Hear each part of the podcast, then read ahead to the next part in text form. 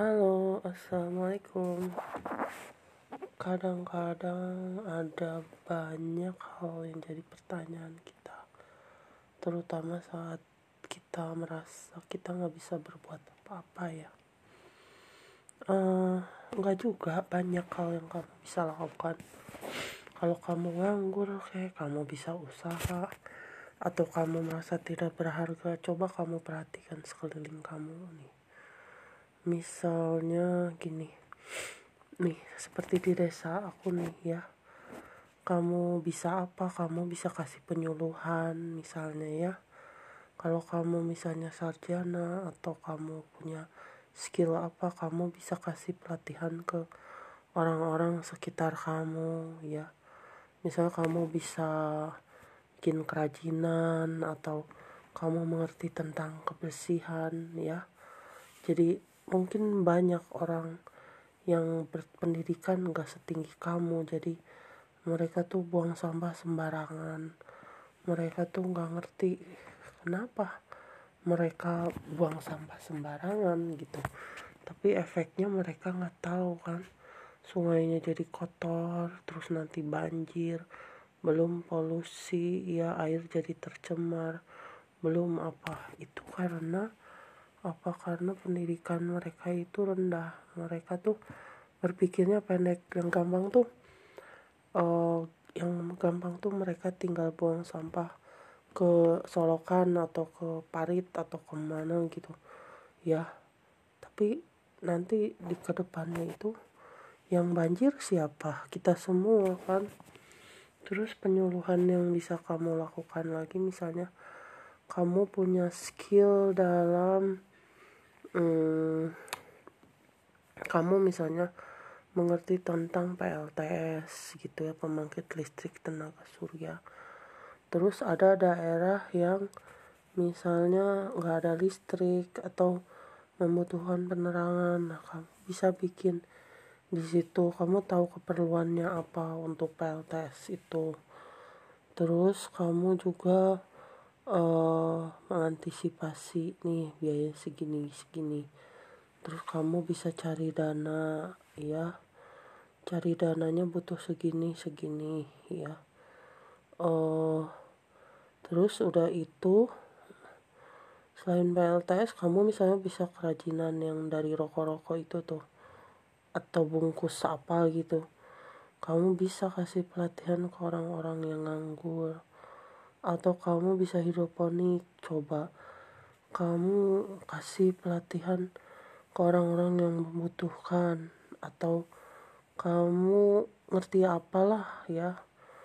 Sekarang misalnya tentang kopi kamu punya sertifikat kopi itu ya. Yang bisa bikin macam-macam kopi itu barista atau apa. Kamu bisa bikin pelatihan gratis. Atau kalau misalnya kamu bisa ngaji kamu ajarin orang sekeliling kamu ngaji. Atau kamu misalnya ada kamu misalnya ngerasa nggak bisa apa-apa tapi ada dekat rumah kamu ada kakek-kakek nenek-nenek atau anak kecil nggak bisa baca. Kamu bisa kasih oh, mereka belajar baca. Terus ada lagi misalnya kamu bisa bikin rendang ya terus kamu bikin pelatihan bikin rendang lah buat ibu-ibu ya. Ya tentu bahannya kamu pikirin gimana caranya ya. Apa kamu bawa alat-alatnya atau apa ya. Terus kamu bisa cari relasi buat biayain. Atau kamu bisa bikin bakso.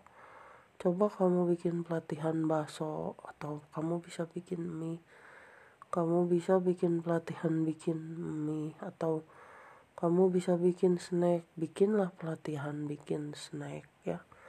Jadi sebenarnya buat nganggur itu celahnya sedikit sekali kalau kamu kreatif ya. Atau kamu misalnya bisa desain. Kamu bisa bantuin UMKM bikin desain ya.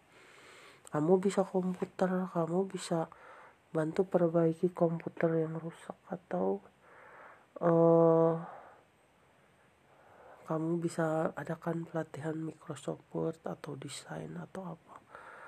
Jadi sebenarnya atau kamu bisa bikin mesin kamu bisa bantu orang UMKM ya untuk bikin sesuatu ya. Misalnya alat alat buat bikin donat lah alat buat apa ya banyak lah. Apalagi sekarang di YouTube juga banyak ilmu-ilmu atau di Google juga. Jadi enggak ada celah kamu supaya diem aja. Atau misalnya aku bingung aku nggak bisa apa-apa.